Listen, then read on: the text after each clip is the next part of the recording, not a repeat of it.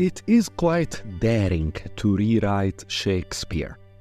Some writers have, over the past few decades, tried to adapt Shakespeare's plays to specific audiences, times, and contexts. Anyone, for example, who went to a theatre festival in which some Shakespeare plays were staged almost certainly saw renderings of his plays in modern circumstances.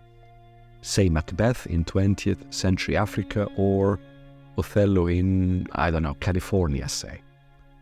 Cinema has also had its own attempts. Some of us might remember a film produced in the 1990s based on the play Romeo and Juliet, which tried to incorporate Shakespeare's own lyrics, own words, but into a very modern setting. But to rewrite Shakespeare entirely, as in take the tales of his own plays and rewrite them differently, is a new and I would say quite daring endeavor. And that's exactly what a publisher, Hogarth Press in London, had done few years ago. The purpose was not to change the plays or the tales, though some actually of the of the writers that Hogarth had commissioned did change the plays or the tales. However, the purpose here of this project was to add context. This is important. Shakespeare as actually Adam Gopnik makes clear in a long and very interesting essay in The New Yorker, Shakespeare often ignored context. For example, Shakespeare never tells us really why Hamlet was so melancholic or, uh, or gloomy, rather than being fiercely angry at the murder of his father.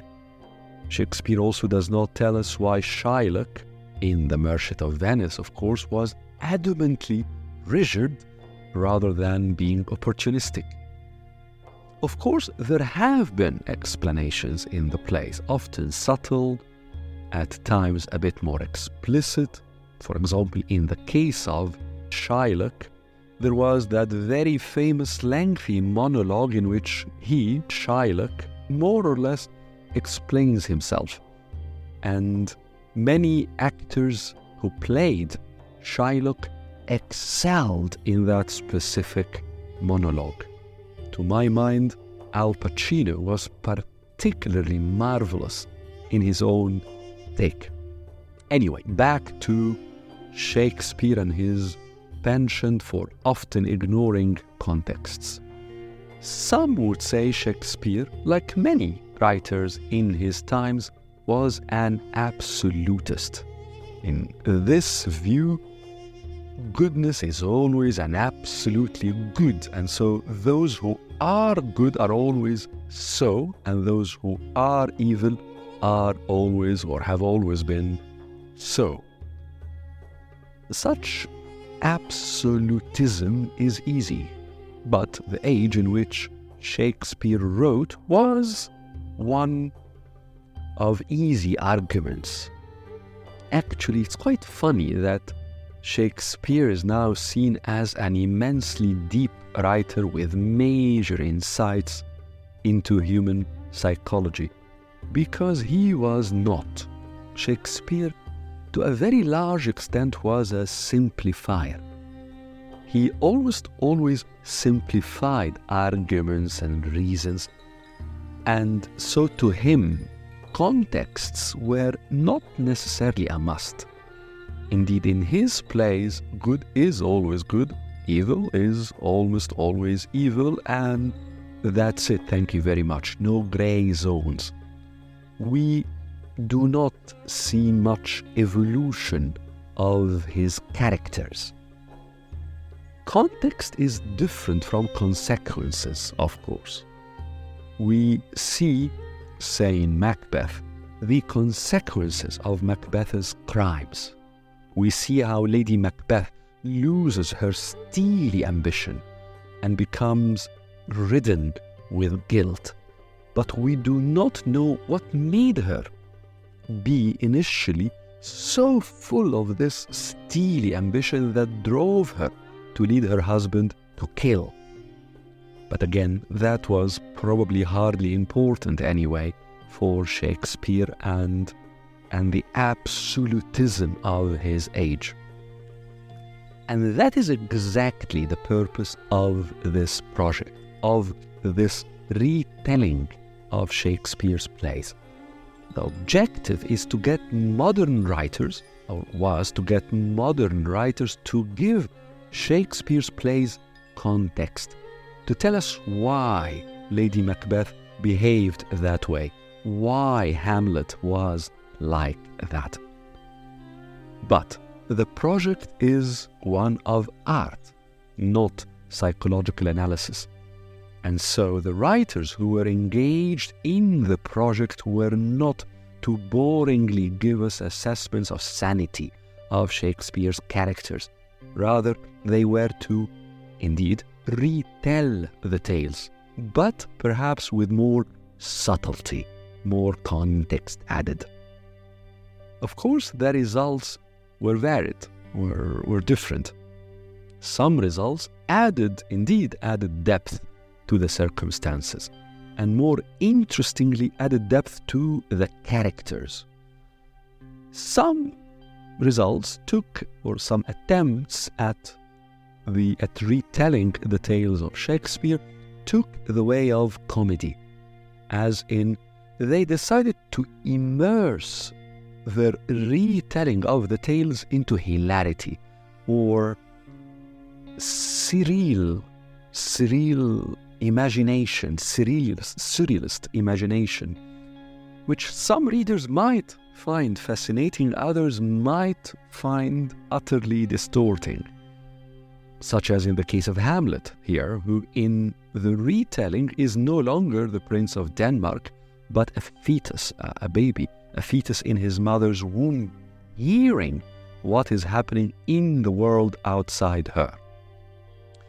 Now, details aside, and irrespective of whether some of the new takes on the tales are actually interesting retelling or a bit too wild flights of the imagination, especially for plays that most readers know very well, irrespective of all of that, I like this project for two reasons.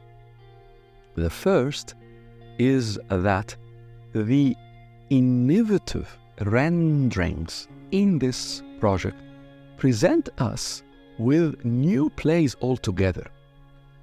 Of course, indeed, they are based, these retellings are based on Shakespeare's tales, but they are in effect new works. So, all in all, the usage of creativity here was put to much more than having new twists often more than giving a context. The creativity here was to often create full structures that actually stand on their own feet, irrespective of, of, of the actual plays of Shakespeare. And actually, this or these retelling of Shakespeare's tales could well be read as independent works of art, irrespective whether or not one has read Shakespeare's originals. The second reason I like this project is that it's irreverent. It does not look at Shakespeare and his work as gems that must be touched with utmost care. This is good actually, because any work must be subject to both analysis and critique, even if most people consider such work heights of genius. Interestingly, some of the most influential English critics with close associations to venerable institutions such as Oxford University or Cambridge, they hardly ever approached Shakespeare and his work with any sanctity or veneration. Often their approaches were not only critical but also funny, basically making fun of Shakespeare and his world overview. After all, Shakespeare was a poet working for a theatre company, entertaining the society, trying to make money, and it must be remembered, typically targeting, staging the plays not just to entertain the society but to entertain the elite, including the monarch. So, I think this, this project in general merits the attention of anyone interested not only in English or world literature, but perhaps before and after that merits the attention of anyone interested in how contemporary talents approach older works of art, especially work that is seen as the canon, the most venerated in any field. This is particularly important in parts of the world where critical thinking is not very encouraged, where education often discourages open wide thinking, and where the prevailing culture is hardly ever challenged. In such cultures, retelling old stories, rethinking about what has been traditionally venerated, reassessing it often with criticism, often with hilarity, is very healthy.